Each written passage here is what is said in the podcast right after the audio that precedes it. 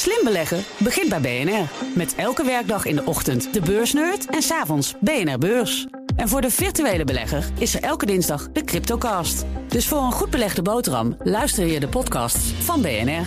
Blijf scherp. Heb jij de BNR-app al? Met breaking news in de podcast, de Amerika-podcast. Download de app en blijf scherp. BNR Nieuwsradio. BNR breekt. Michiel Jurjens. Welkom bij BNR Breekt. Straks praat ik over het nieuws van de dag. Het gaat onder andere over de elektrische bestelbus. ING ziet dat er nog maar heel weinig ondernemers zo'n groen emissievrij voertuig hebben. Terwijl over een kleine anderhalf jaar zo ongeveer alle grote steden in Nederland wel een zero-emissiezone instellen. Het gaat straks ook over.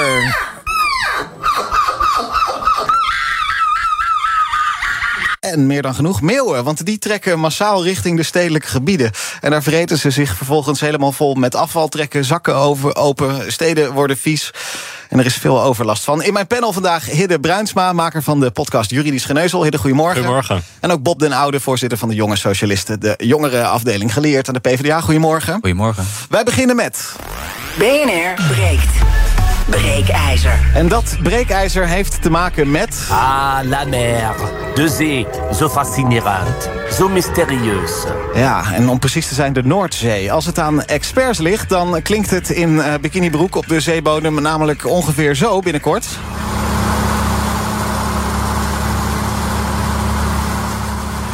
Die houden een pleidooi in de Telegraaf om weer meer naar olie en gas te gaan boren. Jarenlang werd er minder olie en gas uit de onderzeese velden gehaald... om de klimaatdoelen te behalen. Maar de Britten en de Noren die besloten afgelopen weken... om de kraan toch weer verder open te gaan draaien. Nederland zou moeten volgen, zeggen deskundigen van onder andere... het Den Haag Centrum voor Strategische Studies vandaag in de Telegraaf. Vloeibaar gemaakt gas, LNG, importeren kost bakken met geld... is volgens hen zelfs minder duurzaam. Ga ik zo ook eens vragen aan een van die experts die dat vandaag zegt in de krant. Ons breekijzer, Nederland moet de olie- en gasvelden in de Noordzee maximaal benutten. Wat denk jij? Ben je het eens? Is het een gemiste kans als we die Noordzee niet gewoon helemaal leeg trekken? Terwijl we wel heel veel geld blijven betalen voor geïmporteerde LNG? Of ben je het oneens? Is het juist roet in het eten van de verduurzaming waar we mee bezig zijn? En kunnen we dit helemaal niet verantwoorden naar de boeren, de industrie, de Groningers? Laat van je horen. Bel 020 468 4 keer 0 Stemmen kan ook. Dat kan via de stories van BNR Nieuwsradio op Instagram. Maar ik vind het leuker als je belt 020 468 4 keer 0 krijg je aan het einde van dit halve uur een tussenstand van me. Ook bij me is Hans van Kleef, energie-econoom van Publieke Zaken. Goedemorgen. Goedemorgen. En zometeen hebben we ook contact met energiedeskundige Ronald de Zoete. Um, nou, om maar bij u te beginnen, meneer Van Kleef. Nederland moet de olie- en gasvelden in de Noordzee maximaal benutten. Wat vindt u van het breekijzer? Ja, ik denk dat het klopt. Maar dat, uh, dat stond ook al in, in de Telegraaf. Dus dat, uh, dat ik dit standpunt inneem was verrassend, niet verrassend, denk ik. Nee. Uh, maar dat eigenlijk de belangrijkste reden is... kijk, vanaf 2019 is Nederland netto-importeur geworden van gas. Hè, oftewel, wij kopen ons gas voor een groot deel in het buitenland. Terwijl we nog behoorlijk wat potentieel hebben zitten op de Noordzee. Um, en ja, als je dan kijkt dat dat behoorlijk wat meer oplevert... Hè, dus minder klimaatschade en, en meer economische winst... en het zorgt ook nog eens een keer voor wat extra zekerheid voor Europa... ja, dan is het denk ik een, een optelsom die redelijk makkelijk gemaakt is. En uh, waardoor ik denk dat we die productie in de Noordzee inderdaad moeten opschalen. Hidde Bruinsma, wat is jouw mening over het breekijzer? Ja, ik ben het daar helemaal mee eens. Uh, ik denk dat het, dat het zonde is om, om, om die velden niet te benutten. En dat je, ja, je, je wordt gewoon afhankelijk van andere landen als je gaat, vooral gaat export, exporteren of uh, importeren. Ja, ja. Uh, terwijl je dat gas en, en een deel van het olie hier hebt. Ja, waarom zou je dat niet benutten? Bob, hoe sta jij erin? Ja, nou ja, ik, ik eigenlijk tegenovergestelde daarin. Ik, ik wil even mensen aan herinneringen. In 2050 moeten we uh, volledig duurzaam zijn in Nederland in onze energieproductie. En uh, nou ja, al die olietoren, boorplatformen die we gaan bouwen, die zijn ook niet per se uh, duurzaam. Ja, dus. Ik, ik, ik, zie dat niet zo, eerlijk gezegd. Ik denk, je, je, moet bedenken, we gaan straks naar een volledig duurzame economie. Daar moet je in investeren, niet in nieuwe uh, uh, olie. Niet in toch maar weer fossiel Nee, nee want dan, dan, dan, dan blijft je het probleem alleen maar verder voor je uitschuiven. Ronald de Zoete, inmiddels ook bij ons. Wat denkt u over het breekijzer? Nederland moet de olie- en gasvelden in de Noordzee maximaal benutten? Nou ja, ik denk dat het uh, wel verstandig is, omdat je toch in uh, zekere mate onafhankelijk uh, wilt zijn. En we hebben daar toch 80 miljard kuub zitten. Dus dat is een mooi stuk zeg, eh, zelfs naar 2050 om toch dat stukje nog te, in ieder geval te moeten dekken wat we aan aardgas nodig, uh, nodig hebben. Want de vorige spreker zei inderdaad dat we graag in 2050 natuurlijk van fossiele brandstof af willen. En onder andere dus aardgas. Maar dat zal een hele klus zijn. Dus zelfs met alle windmolens, zon en alles wat erbij komt, denk ik dat we ook in 2050 nog gewoon aardgas nodig hebben. En laten we het dan maar gewoon van dichtbij halen. Dat is milieuvriendelijker en denk ik kostprijstechnisch ook beter voor de burgers en bedrijven.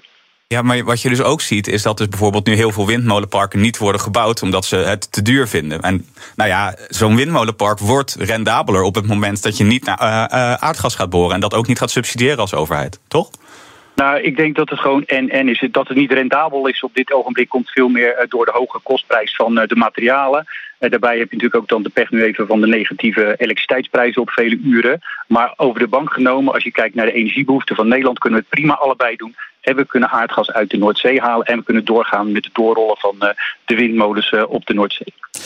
Dank, ook Ronald de Zoet. Ik praat zo met u verder en ook met Hans van Kleef. Maar ik wil ook graag van jou horen. 020 468 4 als je wil meepraten over het breekijzer. Nederland moet de olie- en gasvelden in de Noordzee maximaal benutten.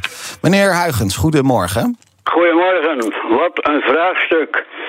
Nou, en zo even zijdelings. Dat zou een mooi zootje worden op de, Noord, op de Noordzee, zeg.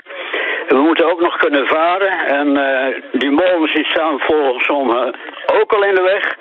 Nou, en waarom zouden ze nou weer wat nieuws bij, uh, bij verzinnen? Dus ik ben ervoor, ik ben er tegen.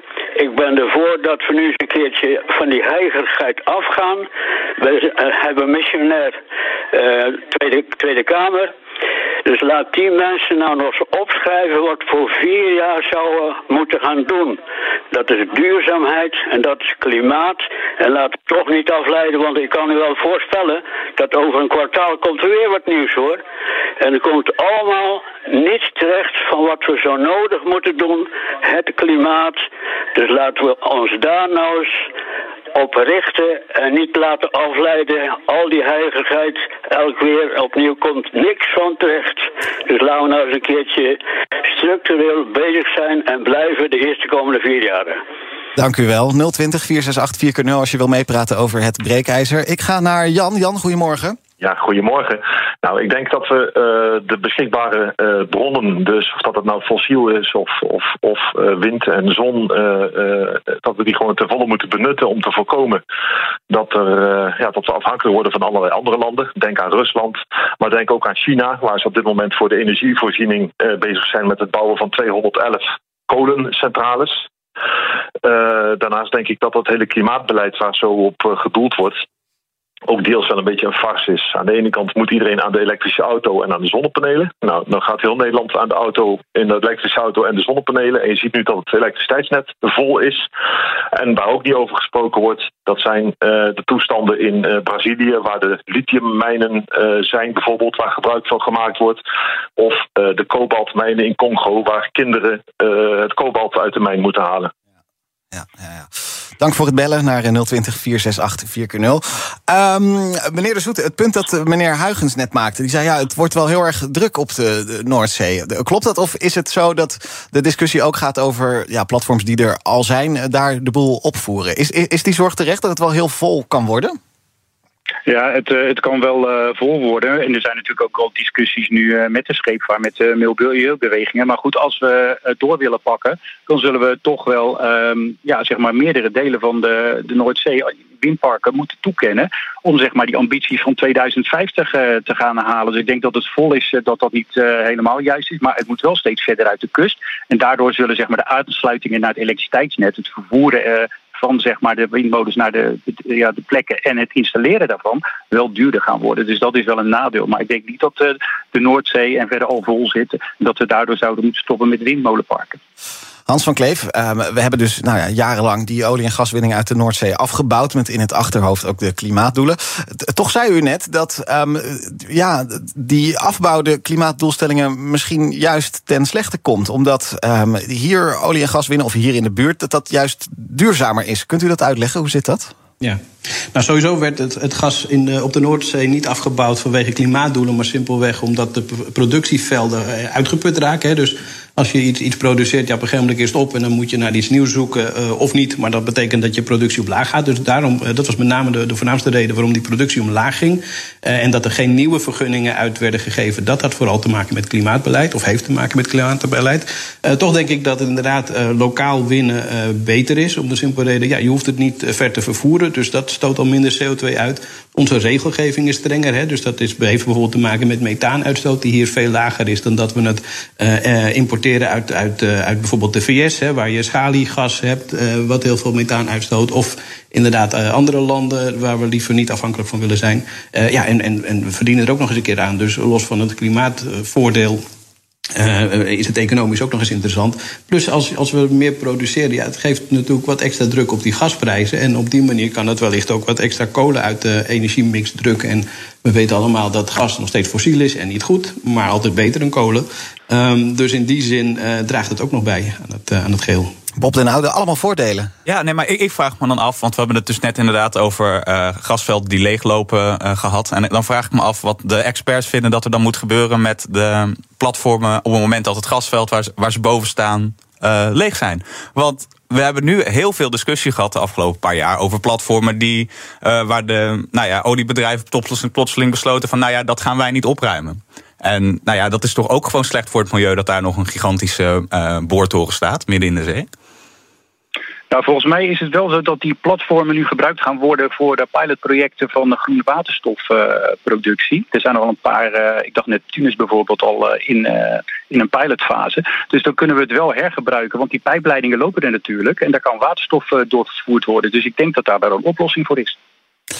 Um, uh, Hidde, uh, ben jij nog gevoelig voor het argument... de Britten en de Noren doen het ook, dus misschien missen we de boot wel? Of moeten we daar maar niet naar kijken? Nou, volgens mij hoef je daar niet naar te kijken. Maar we zijn natuurlijk nu wel redelijk afhankelijk, bijvoorbeeld van de Noren. En ja, we halen daar veel energie vandaan. Ik, ik denk dat je vooral moet, moet kijken naar je eigen positie.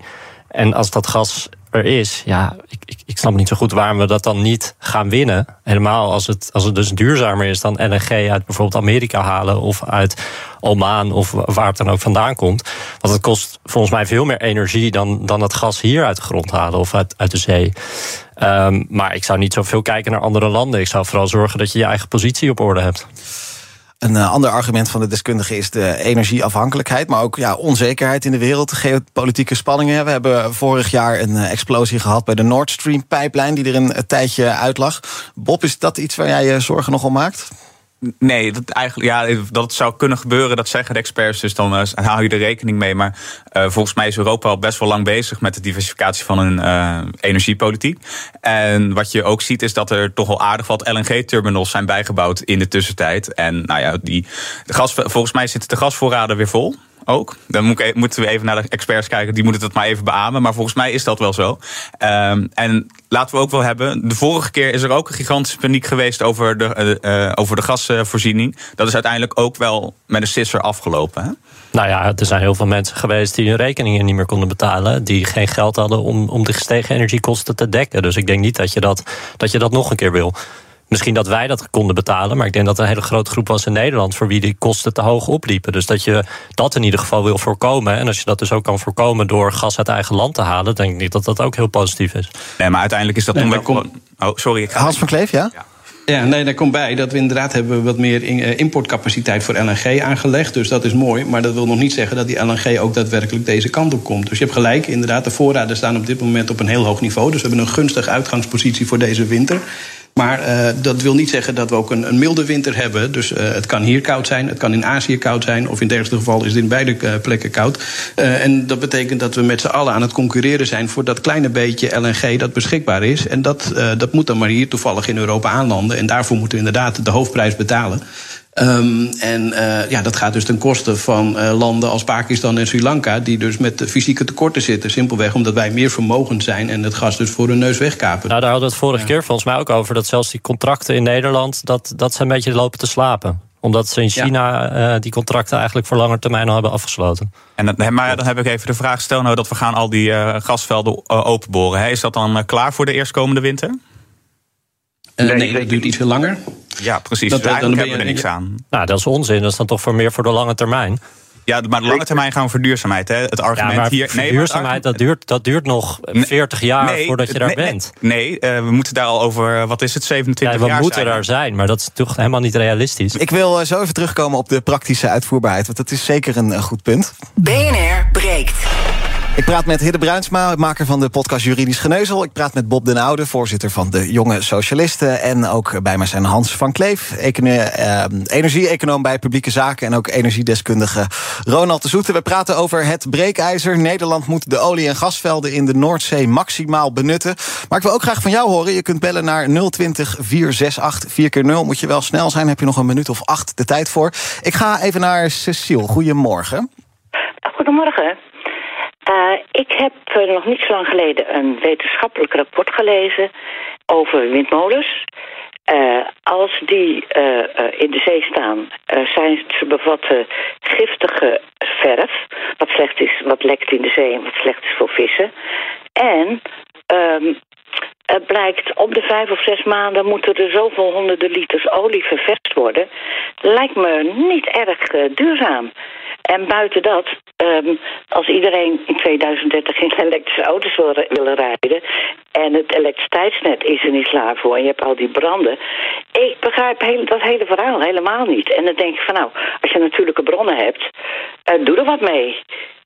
En als dat in Nederland is, ja, ideaal natuurlijk. Ik wil nog graag een expert daarover horen. Nou, laat ik dat eh, dan eens even aan eh, meneer De Zoete vragen. Bedankt voor het bellen. De- Is dat zo, eh, windmolens? Zorgen die ook voor allemaal eh, milieuschade, onder andere door die verf en zo? Nou, de- zeg maar, eh, de verf, dat is. eh, ik ben geen expert, maar dat zou kunnen. En wat ze wel eh, inderdaad zegt, de liters olie natuurlijk die nodig zijn voor de onderdelen, dat die draaien blijven. Dat is ook zo, maar het is altijd dan weer, hè, zet je het over ten opzichte van kolen of ander. En dat is altijd een discussie. Nee, windmolens zijn niet duurzaam, maar dan ben ik ook heel eerlijk. Elektrisch rijden met de accu's en de duurzaamheid en het feit dat die elektriciteit ook voor een groot gedeelte gewoon uit kolen en aardgascentrales zijn, is ook niet helemaal duurzaam. Dus laten we dan toch niet die discussie weer van of of. Het is echt een kwestie van en en. En ik ben het ermee eens. Als je dan natuurlijke hulpbronnen hebt en ze zijn in de buurt en je kunt ze vrij veilig en flexibel via pijpleidingen naar je land vervoeren, dan zou je daar toch gewoon op moeten inzetten. Nog eens even naar een eh, paar bellers. Eh, John van der Geest, goedemorgen. Goedemorgen. Zeg het maar. is eh, eh, een land als Nederland, die kan gewoon compleet zelfvoorzienend zijn. Wij hoeven helemaal niet deze hoge kosten te hebben. We hebben het letterlijk in onze achtertuin liggen. En dan is het sowieso al compleet waanzin om een heel Noordzee te volgen proppen met windmolens. Wat een gigantische milieuschade heeft voor de ecologie en et cetera.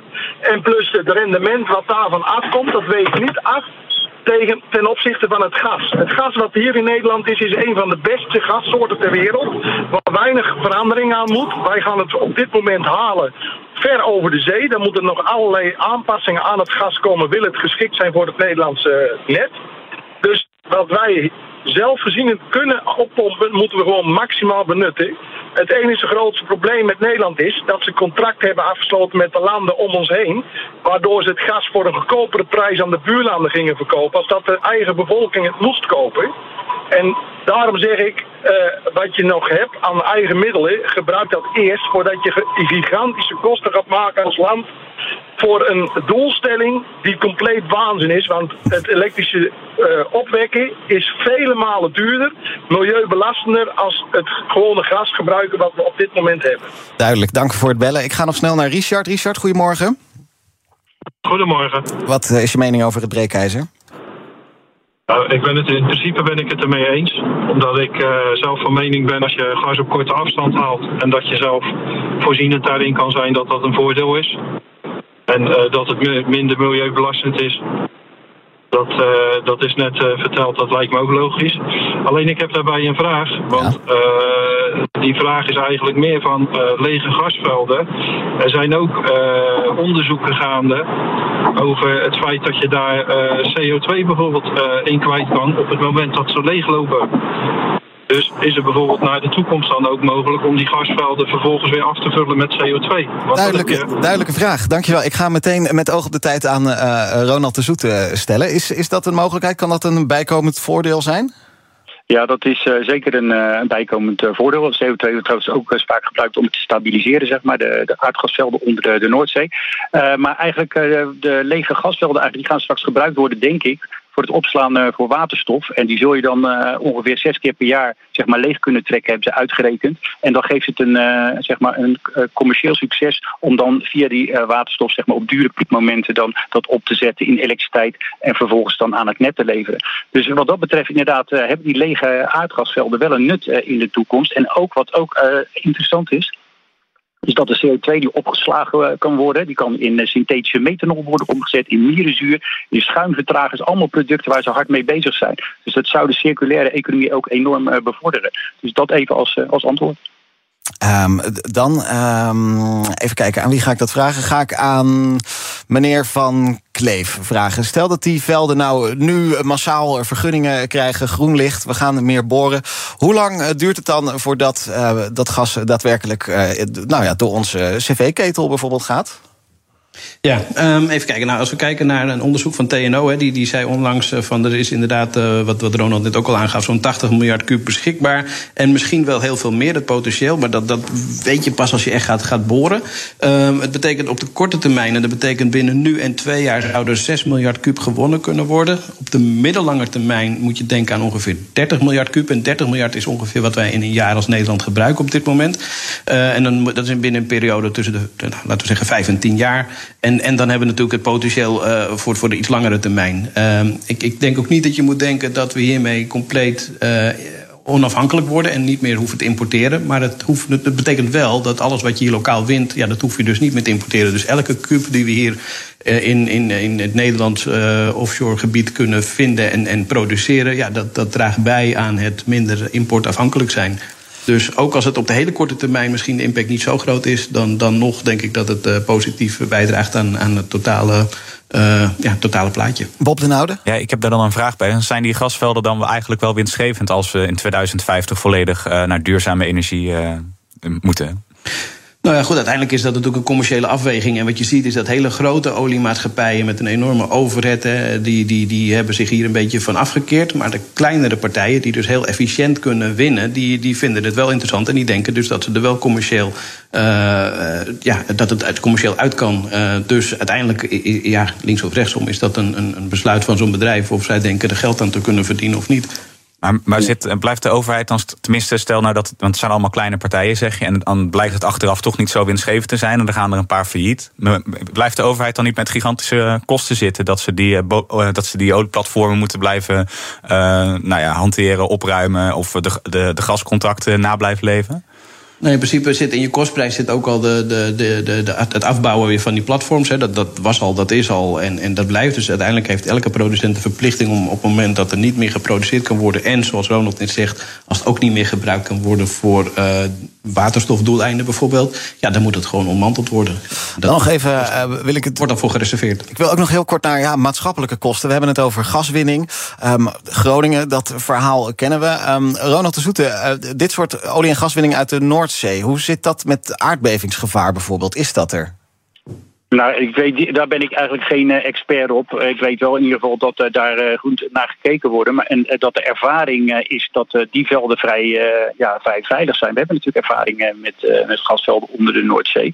Dus ja, er zal gemonitord moeten worden. Maar het is volgens mij niet een belemmering om verder dit uit te gaan breiden. Duidelijk, dank. Tot slot, eerder dit jaar stak de rechter een stokje voor een nieuw te bouwen platformproject bij Schiermonnikoog. Dat gebeurde nadat Mobilization for the Environment, de club van Johan Vollebroek, de vergunningverlening aanvocht met succes.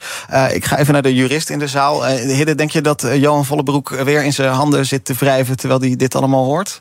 Nou, die zal zeker weer in actie komen, ja. Dat ja. denk ik wel. Ja, ja, Geen idee wat, dat, wat, dat, wat daaruit gaat komen, maar, uh, maar ja, hij zal, hij zal wel in actie komen. Ja. Is het uh, uiteindelijk een realistisch idee dat we echt meer gaan olie- en gas boren in de Noordzee uiteindelijk? Wat denk jij, Bob? Ik denk Ook met alle, alle, alle omstandigheden, de praktische de demissionair kabinet, gaan we daar naartoe? Nee, dat denk ik eigenlijk sowieso niet. En ik, ik denk het realistische en praktische en pragmatische idee is gewoon vol inzetten op duurzame energie. Dus uh, dat. Ongeacht dat we nog steeds af en toe doen alsof gaswinning heel uh, rationeel is, is het eigenlijk gewoon vooral nostalgisch omdat we dat vroeger hebben gedaan. En uh, ik geloof dat het pragmatische argument zit vooral bij de duurzame energiewinning.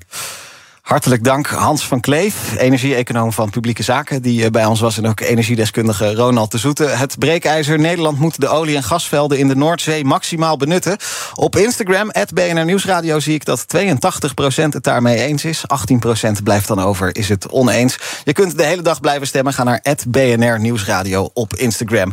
Zometeen gaan we van de zee, nou net naar de rand van de zee. Ze zijn ook niet echt bang meer voor de mensen. Wat pakken ze allemaal?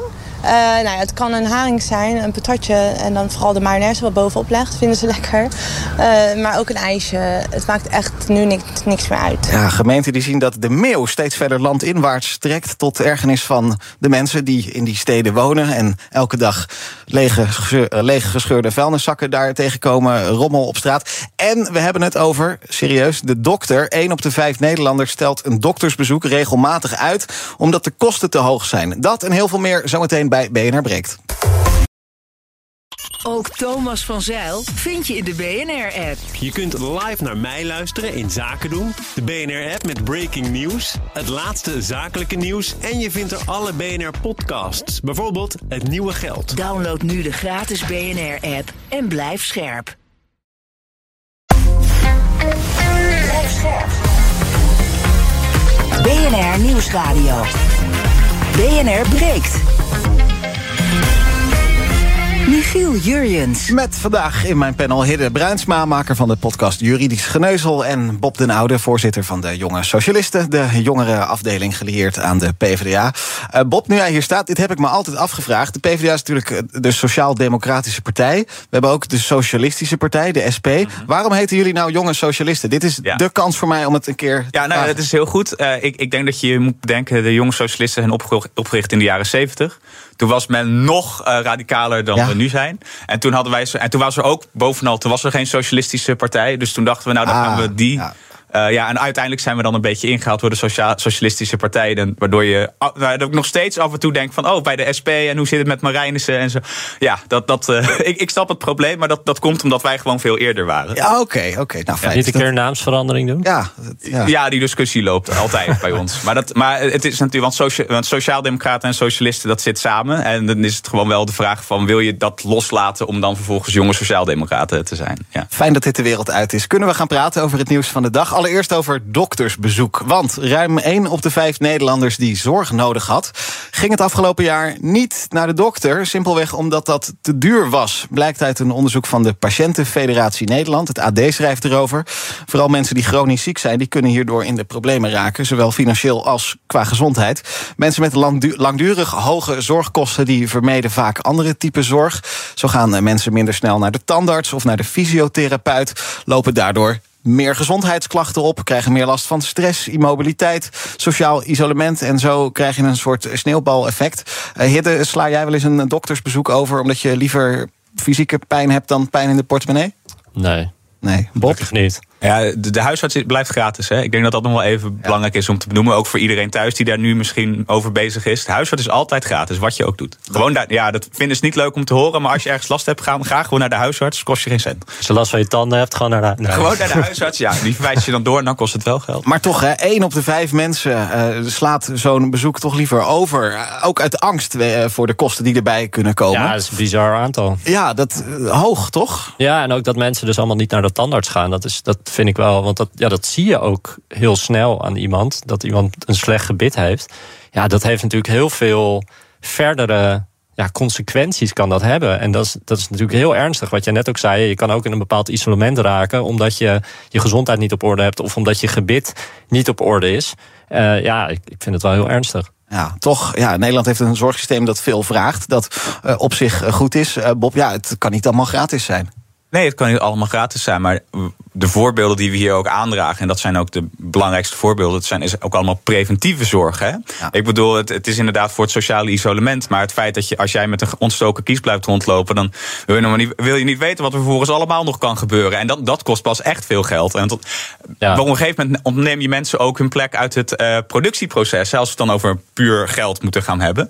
Uh, en dat kost de samenleving ook heel veel geld. Ik denk juist dat als je dus de mondzorg weer gewoon in het basispakket zou doen, dat je als samenleving geld zou besparen. Ja, want dan gaan mensen gewoon twee keer per jaar naar de tandarts. Dan hebben ze die check. Dan eh, hoeven ze niet vervolgens allemaal herstelwerkzaamheden te doen voor heel veel geld. Ja, Bob zegt dus mondzorg opnieuw terug in de basisverzekering. Ben je het daarmee eens, Sidde? Ja, als je deze cijfers ziet, eh, ben ik het daar zeker mee eens. Ja. Ja, ja, ja, ja. Heeft eh, de overheid de- verder een, een rol om de zorg voor iedereen betaalbaar te houden? Wat, wat zou de overheid daarin misschien moeten doen? Nou ja, wa- wat je gewoon heel erg ziet is dat het natuurlijk eh, tegenwoordig worden dus heel veel technologische vorderingen gemaakt, waardoor voor, eh, nou ja, voor bepaalde ziektes wordt het nu tegen een gigantische meerprijs mogelijk om eh, mensen, eh, nou ja. in leven te houden. En ook lukt het ons om mensen steeds langer in leven te houden. En ik denk dat, was, dat je als overheid, nou vooral als democratie, eigenlijk meer wel echt de discussie aan moet gaan van oké, tot, tot waar willen we alles kunnen faciliteren? En ik denk dat daar wel die rol in zit, dat je ook als overheid daar wel kritisch op blijft. Want niet alles kan. Wel echt veel, eh, maar niet alles. Maar dat gebeurt nu natuurlijk ook al wel. Ik bedoel, mensen die heel oud zijn, die dan toch nog een keer geopereerd moeten worden, wordt ook wel eens gezegd van. Ja, dat gaan we gewoon niet meer doen. Want ja, dat, dat heeft geen nut meer. Maar jij, jij zou wel pleiten voor iets duidelijke regels op dat gebied? Ja, nou ja, het is natuurlijk inderdaad een dialoog die nu gaande is. Maar ik zou er wel voor pleiten dat de overheid daar wat meer. eh, En hoe, zou, hoe zouden ze dat kunnen inrichten? Zou je dan gaan zeggen, vanaf een bepaalde leeftijd word je niet meer geholpen? Want dat is natuurlijk wel heel extreem. Nou ja, niet in alles natuurlijk. Hè, Maar dat betekent op een gegeven moment wel dat je gewoon zegt van oké, dit, gaat je, dit gaat je niet meer opleveren dan het kost ook. Ook zijn, ook zijn we dus heel veel dat we risicovolle behandelingen blijven doen bij ouderen die, die het eigenlijk niet eens waard is. Nou ja, dat soort zaken. Ja. De zorgverzekeraars, kunnen die nog een rol spelen? Ja, dat doen ze ook al, toch? Dat, Ja. die, die altijd in de onderhandelingen. En eh, ja, ze, ze zouden wat minder eh, prijsvechter moeten zijn en wat meer kijken naar de kostenbatenanalyse. Maar Ja, ja. En eh, als eh, onze premies nou allemaal wat eh, omhoog gaan om het eh, eigen risico wat omlaag te kunnen laten gaan, zou dat een goed idee zijn, Hidde? Ja, ik zou het niet zo'n probleem vinden. Maar ik denk dat er heel veel mensen zijn die dat liever niet zien. Ehm, dus ja, ik weet niet of je daarmee een oplossing creëert. Want dan ga je weer horen dat mensen hun premie te hoog vinden. En dat ze. Ja, dus ik, ik weet niet of je daarmee vooruit gaat. Maar het zou voor een bepaalde groep zou het natuurlijk wel schelen als dan bepaalde dingen weer in het basispakket kunnen komen. Of het eigen risico naar beneden kan. Wat ik daar zelf van vind, is dat, dat, dat wat, het, wat het eigen risico's er gewoon voor bedoelt. En dat mensen een beetje bewust met hun zorg omgaan. Nou, dat, dat slaat al heel vaak de verkeerde kant op. Dat mensen dus niet meer naar de. Maar aan is een beetje, vind ik daar vind ik dat nog wel wat voor te zeggen. Maar er is gewoon wel echt een grote significante groep die gewoon chronisch ziek is. En die moet gewoon elk jaar hun eigen risico. Dat is geen risico, dat is eigenlijk gewoon een eigen zekerheid. Die ze elk, daar moet je wel echt iets aan doen. En ik vind dat mensen daar eh, van af zouden moeten. Iets heel anders dan. De bedrijfswagen, daar wil ik het ook nog Goed over hebben. Ja, ja, ik zat te denken, hoe ga ik hier een bruggetje mee maken? Nee, dat kan niet. Dat gaat niet lukken. Ik ga gewoon naar het volgende. Over anderhalf jaar zijn eh, de meeste bedrijfswagens, namelijk in ieder geval een heel groot deel daarvan, in tientallen gemeenten niet meer welkom. Of dan misschien ja, in de uiterste binnenstad van zo'n gemeente. Slechts 1,4 procent van de bedrijfswagens die door Nederland rondrijden zijn elektrisch. Blijkt uit onderzoek van ING Lease. Nou, dan houden we dus 98,5 procent over die dat niet is. Vanaf 2025 stelt zo ongeveer elke grote Nederlandse gemeente een zero-emissiezone in. Schilders, glaszetters, loodgieters met zo'n diesel- of benzinebusje. Ja, die kunnen dan niet zomaar meer tot aan de voordeur komen. Er zullen vast wat eh, haken en ogen aan zitten. Maar ja, als we naar de cijfers kijken, eh, meer dan 98 procent mag niet zomaar zo'n zero-emissiezone eh, inrijden. Hidde, gaan we chaos in steden krijgen? Eh, nou, ik weet niet of we chaos gaan krijgen, maar het is wel voor heel, voor heel veel mensen is dit wel een probleem. Ik zag dat ze nu bijvoorbeeld in Groningen zijn ze wel aan het experimenteren. Daar hebben ze dan elektrische busjes die je kan delen, gratis. Eh, en die staan dan bijvoorbeeld aan de rand van de stad. Dus dan kun je tot aan de stad rijden met je, ja, met je dieselbus. En dan kun je vervolgens, als je de stad in wil, kun je gratis een elektrisch leenbusje of deelbusje kun je pakken om Ja, verder te rijden. Ja, moet je dan, dan moet je al je gereedschap, al je spullen, ladders in het elektrische Nou ja, busje goed, het, hijsen. het- het- dit zijn experimenten, dus eh, misschien dat het nog verder ontwikkeld wordt. Maar dat geeft wel een beetje aan hoe ingewikkeld het is. En eh, hoe ingewikkeld het ook is om echt met een oplossing te komen. Dus ik denk uiteindelijk dat de kans best wel groot is dat het toch een beetje uitgesteld gaat worden. Of dat het nog een beetje vooruitgeschoven gaat worden als die cijfers zo blijven. Nou ja, Het lijkt me dan wel weer een goede overgangsregeling. Hè? Want het, het grote probleem is, uh, uiteindelijk moeten we allemaal elektrisch gaan rijden. En dan is de vraag nu inderdaad van hoe snel moet dat? En ik denk dat uh, dit soort initiatieven als in Groningen, dat is gewoon een goed voorbeeld van oké, okay, dan ja, moet het even een beetje hapsnap zo dat we aan de rand van de stad uh, gaan wisselen. Maar dat zou wel een goede, goede reden kunnen zijn. En het punt is ook een beetje dat, kijk, het is heel vervelend dat, dat dit soort overgangsregelingen allemaal nodig zijn. En het is lastig, alleen dit is wel wat werkt wetgeving op basis van oké, dit moet zuiniger, nu mag je daar niet meer zijn.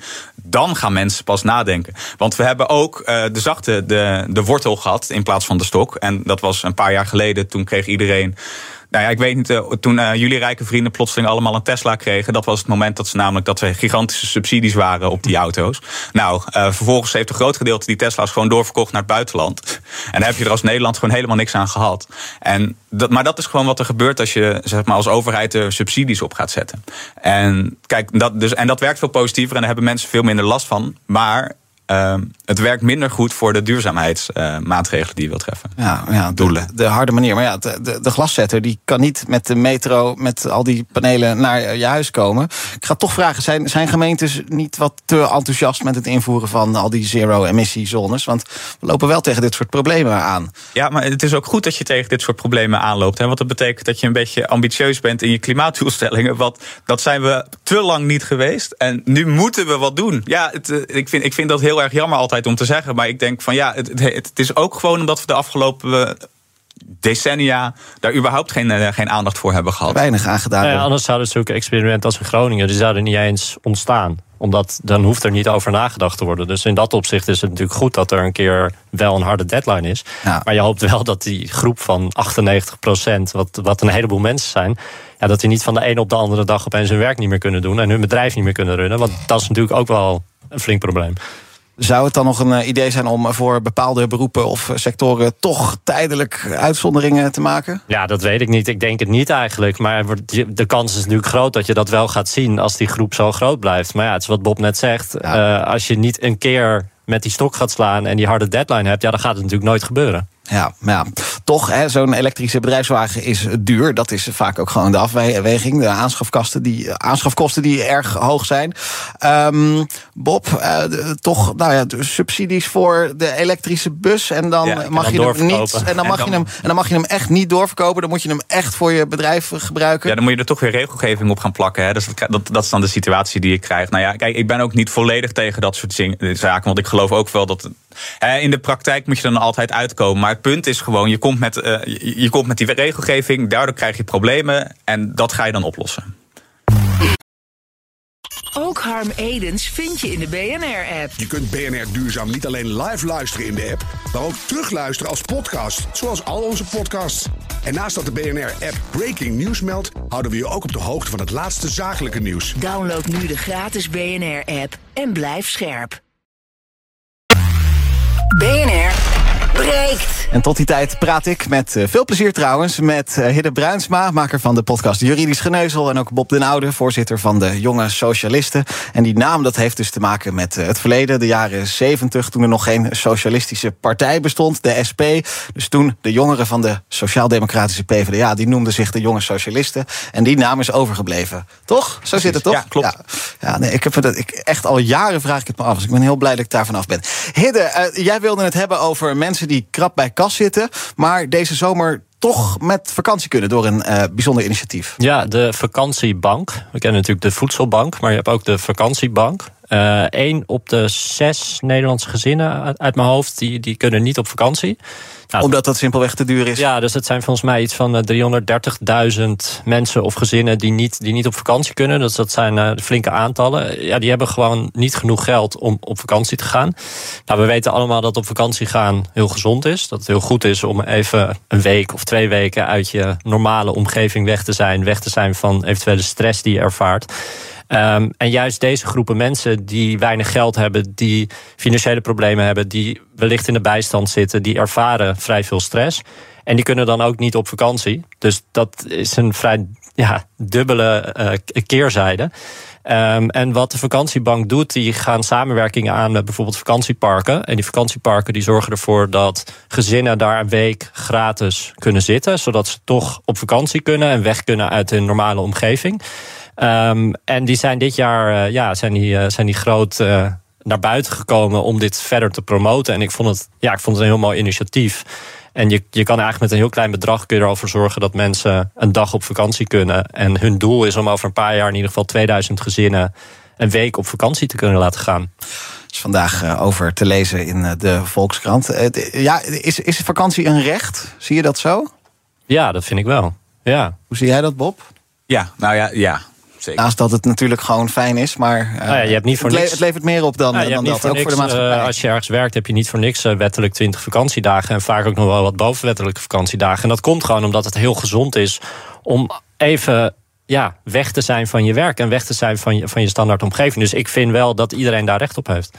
Ja, je moet ook niet vergeten dat als je dan geen, geen vakantie hebt, dat leidt weer extra tot stress en dan weer tot extra problematieken. En nee, ik denk dat, ja, zoals je zoals zei, het is juist extreem belangrijk. En dus je kan het zeker wel een wettelijke recht noemen. Ja.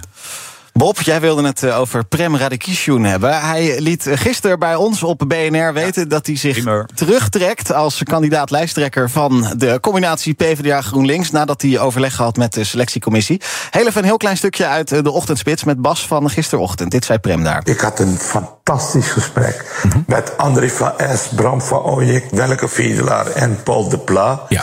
En het gaat erom, um, ze hadden de opdracht om te zeggen: dit is de profielschets. Mm en vind bij deze profielschets de kandidaat. En, en, en, je weet hoe het gaat bij headhunters en zo. Mm. En ik was natuurlijk op geen enkele wijze de kandidaat volgens de profielschets. Want ik wil geen premier worden.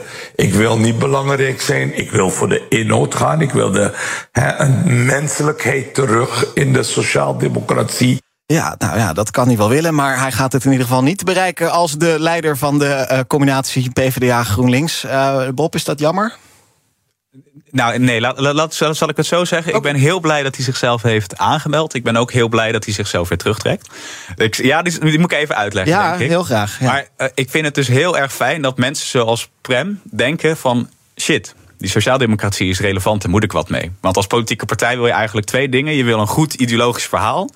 Uh, wat de PvdA ook altijd heeft. Maar ook dat het relevant wordt gevonden door iedereen. En dat is een paar keer niet gelukt. Maar dat merk je dat dat nu er wel gewoon heel erg in zit. En dat, het feit dat Prem op dit moment nu dacht van dit is mijn moment. Hij is ook weer lid geworden van de Partij van de Arbeid, overigens. Dat is een SP'er toch, Prem? Nee, nee, nee, nee. heel lang geweest. Hij, hij, hij is uh, teleurgesteld P van de A. Oké. Okay. Ja, ja, dus dat, het, uh, dat heb ik eruit overgehouden. Okay. Waar teleurgesteld?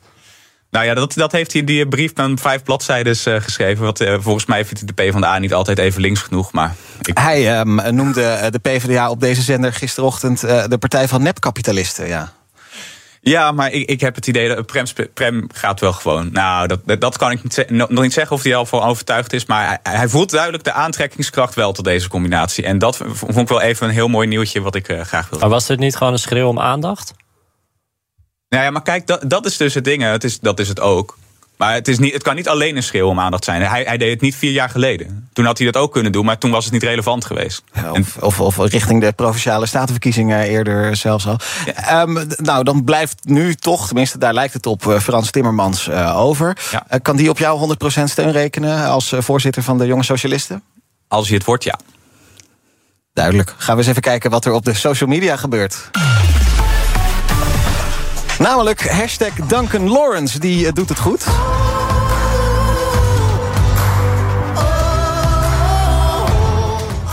Ja, Arcade horen we. Daar won hij in 2019 het Songfestival mee. En daar is iets bijzonders mee aan de hand met dat nummer Arcade. Het is namelijk op Spotify meer dan een miljard duizend miljoen keer gestreamd. Daarmee treedt Duncan toe tot de zogenoemde Billions Club van Spotify. 459 nummers zijn er tot nu toe die de grens van 1 miljard streams hebben doorbroken. In Nederland is dat vrij zeldzaam. Alleen Chesto en Martin Garrix die gingen Duncan Lawrence voor. Maar ja, dat zijn dan ook DJ's die over de hele wereld Hashtag Rust is trending. De wapensmid van die film, want we hebben het over de film Rust... Die verschijnt vandaag voor de rechter vanwege het incident op de set inmiddels bijna twee jaar geleden. Alec Baldwin, de, uh, Baldwin, de acteur, die schoot toen tijdens die opnames per ongeluk een cameravrouw dood. De wapensmid, Hannah Gutierrez Reed, die was eindverantwoordelijke om die wapens onklaar te maken. Daarom wordt zij nu aangeklaagd voor dood door schuld. En ook wordt het haar verweten dat ze geknoeid zou hebben met bewijsmateriaal. Zo zou uh, ook vlak na het eerste verhoor van de politie een zakje met cocaïne aan iemand anders hebben doorgegeven. En dat helpt allemaal niet voor je zaak. Als laatste nog hashtag Kane. Wie kent ze nog? It's London calling. Ja, het is uh, voor Kane niet London Calling, maar Rotterdam. Het is goed nieuws voor liefhebbers, maar het is ook slecht nieuws voor haters van de Haagse rockband. Want Kane wil weer bij elkaar komen voor een concert. Dinant Woesthof die zou hebben ingestemd met een reunie. Dinant die altijd zo praten, daar herkenden we hem van. Het is bijzonder, want de laatste jaren zat hij teruggetrokken op Ibiza. Het leek er ook niet op alsof hij daar snel weg zou komen. Kane hoopt op een sterke terugkomst, wil snel weer op het podium staan. En het grote doel is dan inderdaad, ja, Ahoy Rotterdam. Daar wil Kane weer naartoe. Meteen even aan mijn panel vragen. Staan jullie dan op de voorste rij, Hidden, bij Kane? Absoluut niet. Duidelijk, Bob? Nee. Oké, okay, geen Kane-fans. Oh, um, dat heb ik niet gezegd, maar ik heb de moeite niet om daarvoor aan te gaan. Heel politiek antwoord. Ja, ja, ja, ja, ja netjes. Kijk, het was op een of andere manier, het was altijd uh, een band, nou echt wel met fans. Volle, jij wel? Jij veel wel? bezochte concerten. Uh, ik ben de presentator hier, wat ik vind. Oh, dat, jij mag uh, geen antwoord geven. Maakt niet uit. Compleet objectief. Ja. uit Den Haag komen ze. Kane, over Den Haag gesproken. Daar kenden we deze beesten al. Maar niet alleen in Den Haag uh, veroorzaken meeuwen soms ook overlast. Dat gebeurt in steeds meer stedelijke gebieden. Steeds vaker zijn die vogels in steden te vinden, ook meer in het binnenland. Blijkt uit een rondgang die nu.nl heeft gemaakt. Die zijn allemaal gemeenten aan het bellen. Hebben jullie hier last van? En veel daarvan die zeggen, nou, dat klopt wel. Al eeuwen vliegen die meeuwen rond bij kuststeden, maar ook verder landinwaarts zijn ze dus te zien. Vooral Den Haag ziet veel problemen. Meeuwen die sporen van afval achterlaten als uh, vuilnisbakken en zakken leeg eten. Er zijn, als je puur naar absolute aantallen kijkt, minder meeuwen in Nederland. Maar de problemen in de stad die lijken toe te nemen. In duingebieden leven steeds meer vossen. Dat zijn dan weer grote vijanden van meeuwen. En um, ja, dan is een, een mooi nestje op een rustige flat ergens bij een dak misschien helemaal geen gek idee voor zo'n meeuw. Ze zijn ook nog eens beschermd. Dus gemeentes kunnen niet zomaar wat doen aan de overlast. Hebben jullie wel eens last van meeuwen, Bob? Ik weet niet waar je vandaan moest komen eigenlijk vandaag. Rotterdam. Rotterdam, oké. Okay. Ja, dat, dat, ligt aan de, ha aan de haven, aan de zee. Dus dat merk je inderdaad wel, de zeemeeuwen. Maar wat je het vooral in ziet, is het feit dat je gewoon uh, nog dat je veel uh, afval op straat hebt. En dat, nou ja, of tenminste niet eens veel afval op straat, maar gewoon een paar vuilniszakken. En dat je binnen vijf minuten wel vijf meeuwen hebt die vervolgens die hele zak hebben opengescheurd. Ja, ja, ja. dat is ook echt een oproep vanuit de gemeente Den Haag. Zet je afval alsjeblieft 's ochtends aan de weg en niet uh, 's avonds al. Wacht daar zo lang mogelijk mee. Wat wou je zeggen, Hede? Niks. Oké. Okay. als je, als maar je... misschien meer ondergrondse ja. containers. Oh, ja. Ja, ja. ja, dat is denk ik wel de oproep hier hoor. Want dat, maar dat hebben we in Rotterdam ook steeds meer. En dat is wel gewoon de manier waarop dit gaat werken. Want je moet gewoon betere afvalverwerking hebben om die meeuwen eruit te houden. Ik heb meer last van de halsbandparkiet. Ja. Die slopen mijn hele straat. Alle bomen in de straat. Dat zijn van die groene papegaaien. Ja? En die komen dan met een groep van 15. En die gaan dan systematisch van boom naar boom. En die slopen echt elke boom. Ja. Zijn die ook beschermd? Ja, Die zijn ook beschermd. Dus die mag je ook niet verjagen of afschieten of niks mee doen. Meeuwen, halsband, parkieten. Goed, tot zover. BNR breekt voor vandaag. Met heel veel dank aan mijn panelleden. Hidde Bruinsma, maker van de podcast Juridisch Geneuzel. En Bob den Oude, voorzitter van de Jonge Socialisten. De jongere afdeling van de PvdA. Morgen is BNR breekt er weer. Tot die tijd volg je BNR natuurlijk via de net genoemde socials. YouTube, Instagram, X, formerly known as Twitter. Zometeen hier BNR Zaken doen met Thomas van Zijl. Heel graag tot morgen. BNR Headlines. De hele dag binnen- en buitenlandse politiek. In Nederland hebben we geen munitiefabrieken. De hele dag economie. Vijf dagen in de week bezorgen, dat kan niet uit. De hele dag technologie. Amerikanen weer op de maan. Heb je eigenlijk geen tijd, maar wil je toch op de hoogte blijven? BNR Headlines. Het laatste nieuws, maar dan in het kort. Ga naar je podcast-app en abonneer je op BNR Headlines.